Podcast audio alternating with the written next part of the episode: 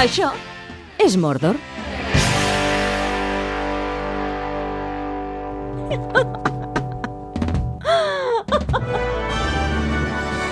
Entre l'espasa i la paret.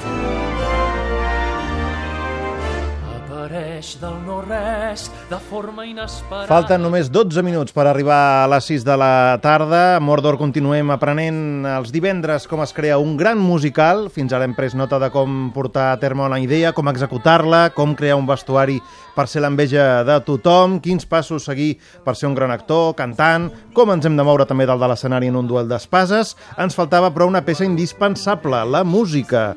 Per això avui, en un nou capítol d'aquest aprenentatge que fem aquest estiu, farem una classe de música. Quines són les fonts d'inspiració, com s'adapta un text per crear les cançons, com aconseguim emocionar el públic. L'Albert Guinovart i el Joan Vives s'han fet molts cops eh, aquestes preguntes i les han resolt satisfactòriament en musicals com ara Maricel, Mikado, Gloops, Flor de nit, tots de, de Goll de Gom, també d'altres, però ara són, a més a més, els responsables de la composició musical d'aquest escaramuix que estem escoltant de fons, aquest nou musical de De Goll de Gom que aterrarà aquest mes de setembre al Teatre Victòria de Barcelona i avui visiten Mordor perquè ens expliquin doncs, com ha de sonar un gran musical. Albert, Joan, benvinguts a Mordor. Hola, bona tarda. Hola, bona tarda. Eh, abans d'entrar a parlar específicament de, de la música, Albert, voldria saber eh, què vol dir això que la idea de fer escaramuix va, va néixer d'una il·lusió d'Albert Guinovart. Ens ho va dir en Bozzo el primer, la primera setmana. Tot plegat neix d'una il·lusió teva. Què vol dir això? Bueno, perquè un dia el Botjo va dir que dirien que està basat en una idea meva. Jo vaig dir, home, una idea tampoc, perquè la idea era de Sabatini. Però sí que era una il·lusió, no? Perquè fa molts anys que vaig veure la pel·lícula i tots els que fem música escènica sempre anem buscant arguments que, que vagin bé per expressar la, la, amb la nostra música aquesta història. I quan vaig veure aquesta pel·lícula, que estava basada en la novel·la, doncs vaig pensar que era rodona per fer un musical pels grans, per tots els públics, no? Té molts ingredients com per atraure molta gent. O sigui que vosaltres esteu anant al cinema, llegint un llibre o potser fins i tot vivint la vida, pensant en tot moment quina situació, quin argument potser podria servir per fer un musical. Sí, sí, inclús el boletín oficial de l'Estat. Bé, nosaltres els dimecres busquem poesia insospitada i hem trobat a llocs realment increïbles, eh? Potser seria també un lloc on buscar-la. Uh, ara, que si feu un dia musical del BOE, uh, us hi haureu d'esforçar molt, eh? Sí, o sí, no? sí. Déu-n'hi-do. De Escaramuix, què vas trobar d'especial que, et fa, que et va fer tanta il·lusió dur-lo a terme? Bé, perquè el, té diverses lectures, a més pot atraure generacions diferents. Uh, és una mica el que passava amb el Maricel, no? que, el, que els, els petits veuen, un, veuen una qüestió d'aventures, els més joves veuen una, una història d'amor, els més grans veuen una lectura més potser més sociopolítica, vull dir que, que pot, diguem, uh, pot interessar molts públics, pot anar tota la família, no? I, i el, igual que el Maricel, penso que l'escaramuix té aquests ingredients. A part de que, a diferència del Maricel, el, aquest és molt més comèdia. O sigui, el Maricel era un drama amb tots aquests elements, però l'escaramuix, tot i que té un, un, un context històric molt interessant, que és la Revolució Francesa, però en canvi la, està enfocat, tal com ha fet el, el Bozzo, doncs molt com una comèdia. I per, eh, per inspirar-vos, per fer el llibret, per fer la música, la lletra, etc, eh, heu d'investigar primer? Us heu d'imbuir de, de l'època, de tot el que envoltava la història? Home, evident, evidentment en aquest cas, a part de llegir el llibre de Sabatini i veure la pel·lícula i tots els referents de l'època i de la Revolució Francesa, eh, nosaltres eh, hem sempre buscat, diguéssim, la veritat escènica d'aquell moment, com suposo que l'Albert, a l'hora d'escriure la música, ha buscat els seus referents, però sona totalment Albert Guinovar, vull dir, igual que, que Aida de Verdi sona música de Verdi, no sona la música egípcia de, de l'època dels faraons, no? Què vol dir que sona Albert Guinovart? Que, és, que té un segell Sí, sí, però dir com és, com és aquest segell? Com el descriuries? Bueno, té els moments èpics... Els Ara moments... que no t'escolta. Exacte, els moments èpics i els moments, eh, els moments dramàtics, els moments amorosos, estan molt, molt lligats. Vull dir, jo potser perquè em conec tant la seva música, eh, identifico aquestes claus, però jo penso que el públic, a nivell més, més general, ho, ho veu de seguida, també. Clar, nosaltres estem treballant... Penseu una cosa, vull dir, fer un musical, a diferència de fer una òpera o fer música eh, de concert, com les que fa l'Albert, fer un musical és fer art dins d'una indústria. I en aquest cas ell, mm, ell aporta el seu art i el col·loquem dins d'un engranatge totalment industrial, que és aixecar un projecte on hi ha 10.000 coses, on de repent el que ell ens escriu, doncs necessitem quatre compassos més doncs, per cada baixar una cadira. O, o hem de tallar per aquí perquè l'actor, si no, no arriba, no sé quan.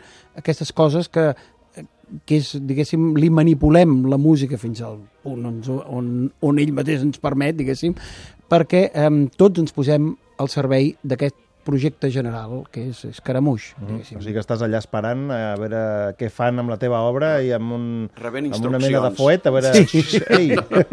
No, tinc la sort de que el, el director musical, que és el Joan Vives, que a més és lletrista també de la- de l'obra, vull dir, em defensa molt bé els meus interessos. També ho heu d'adaptar, per exemple, a les, a les veus dels actors que acaben fent els personatges? Naturalment, ell escriu les coses amb un to aproximat, de vegades inclús estan escrites molt abans del càsting. I després doncs, ens hem trobat eh, algunes que, que s'han canviat de tessitura eh, per acomodar-nos molt més a l'actor sempre que ha estat possible, que no siguin dues, que afecti algun altre. Eh, L'important és que tot es posi al servei, mm, el que es pugui servir al màxim de bé per l'espectador. Uh -huh. uh, a veure, l'Escaramuix també serà musical, suposo que com a tots els de Degoll de Gom, que seran familiars, és a dir, per tots els públics.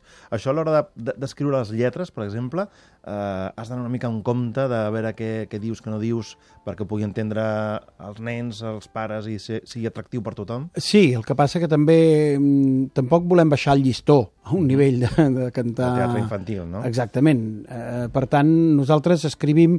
Jo penso que en, en aquest cas Maricel tenia el mateix, vull dir, Mhm. escrivia... mm, El, el Bru de Sala va escriure unes lletres no pensades en un públic eh, juvenil o infantil, sinó un públic general. I aleshores, doncs, a lo millor els nens tindran la seva lectura i coses que no entendran i potser aquí en l'escaramuix passarà el mateix, esperem que no, que tot sigui... Jo penso que a més és un espectacle tremendament visual, a diferència de Maricel, que passava tot constrenyit en el món d'un vaixell, eh, en aquí ens n'anem a 10.000 llocs i l'escenografia és espectacular en aquest aspecte, no? Com, com es planteja l'o- l'ordre de, de feina? És a dir, primer hi ha uh, una estructura literària, diguéssim, que, que també s'ha de respectar, una història, i després com, com es decideix aquesta part la podrem fer cantada, aquí hi haurà diàleg uh, parlat, com, com s'arriba a aquesta conclusió? Bé, el Botzo és el que va començar fent el llibret. Uh, vam tenir unes quantes reunions eh, mentre ell ho estava fent, de manera que també ens anava explicant i dic, parlo en plural perquè també hi ha el Joan i el David Pinto que també col·laboren amb les lletres i llavors, que és el, a més l'ajudant de direcció i llavors anem, anàvem conformant una mica el llibret, diguem-ne, encara que el feia ell, però vull dir que anàvem sabent, no?, perquè amb què ens trobaríem. I això, és clar, després quan comencen les lletres, quan comencen les cançons, que més o menys ja s'ha decidit en aquestes reunions, com deia el Joan, després això pot canviar. Vull dir que igual una cançó, ara per exemple mateix estàvem parlant d'una cançó que havíem pensat al primer acte i la passem al segon acte perquè ens funcionarà millor, no? Vull dir que a diferència d'una òpera que quan l'escrius, com deies abans amb les veus, no? doncs, bueno, escrius per una soprano i per un baríton i ja s'apanyaran, diguem, les que ho muntin, no? I aquella música és així i és inamovible. No en un musical, com que ha de, destinat, diguem-ne, que agradi molta gent, doncs has d'estar fins a l'últim moment canviant coses, no? Ostres, eh, per tant, vol dir que hi ha una cançó que pot passar del primer al segon acte, vol dir que hi ha cançons que no fan evolucionar la, la història i el que fan, que és potser transmetre, eh, donar informació d'un personatge... Sí, molt, molt poques, eh, Sí, en, en, poques. aquest, en aquest espectacle, però concretament aquesta cançó era bastant, bastant un comodín, perquè és una cançó que parla de l'ofici dels actors, perquè a Escaramuix hi ha tota una companyia de comèdia de l'art, com ja sabeu, i aleshores aquesta cançó, com que els actors um, aquesta companyia actua durant tot l'espectacle, tant era posar-la al primer acte com al segon. I en el segon acte ens funciona molt millor i ens fa un enllaç millor, etc. Per una És sèrie de habitual, raons, és però això habitual, no ho hem això, eh? descobert, no ho hem descobert fins ahir, portem més d'un mes assajant. Vull dir que de repent dius, escolta, i si... Dir, aquestes coses passen. Una altra cançó, doncs, que simplement venia una cançó i després un diàleg, i ara hem provat de posar el diàleg i després la cançó, i funciona molt millor.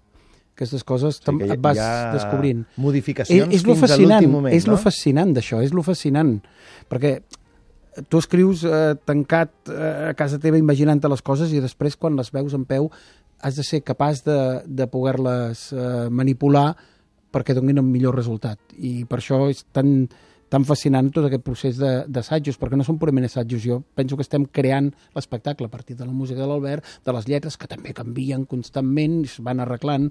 Sempre dic que les lletres no s'acaben d'escriure, em, les, no les acabes, les abandones.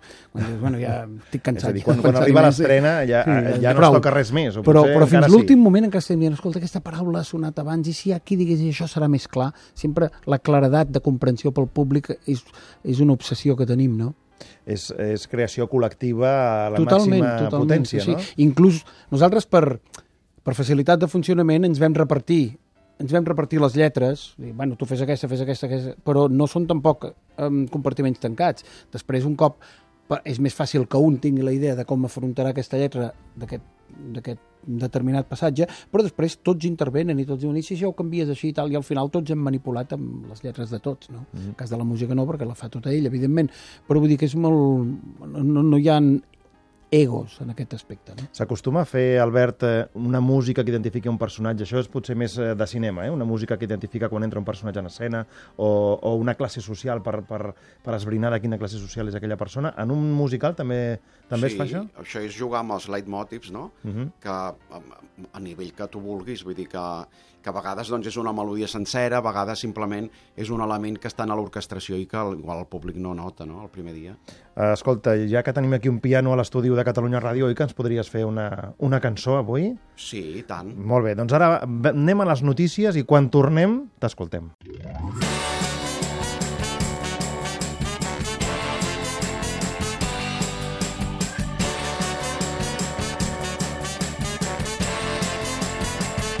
Catalunya Ràdio.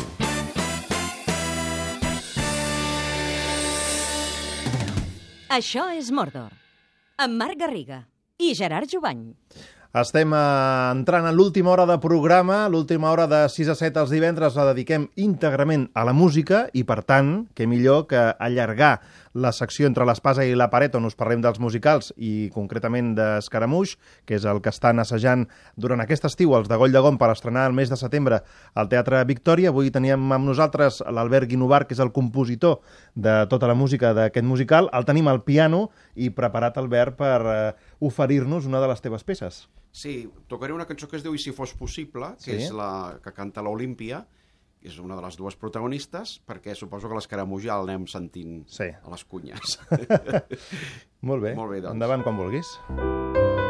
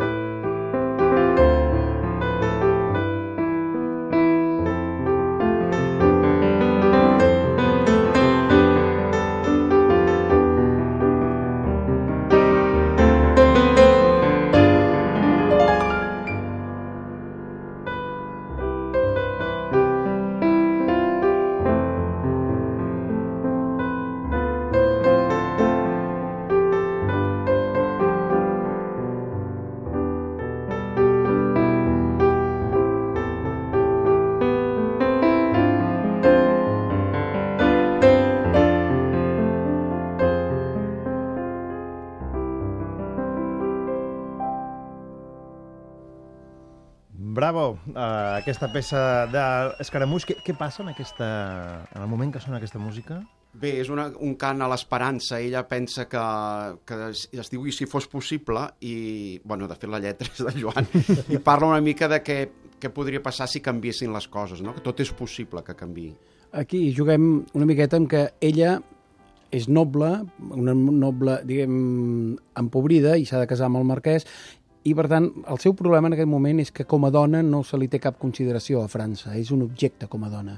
I aleshores es troba amb un que vol canviar les coses d'una altra manera, que són els pobres que volen també canviar amb la Revolució Francesa. I llavors diu, ostres, potser si mm, potser és possible, no? Anar amb aquests que volen canviar-ho tot i també canvien l'estatus de les dones, no? Està basat en un personatge real, l'Olímpia, que va ser una dona mm, que va, va escriure els, mm, la declaració dels drets de la dona, poc després de la dels drets dels homes, etc. Vull dir que té un caràcter molt feminista i pensa això, que potser és possible canviar les coses. Doncs algunes coses eh, han canviat des d'aleshores, però encara queden moltes coses per canviar pel que fa als drets de les dones.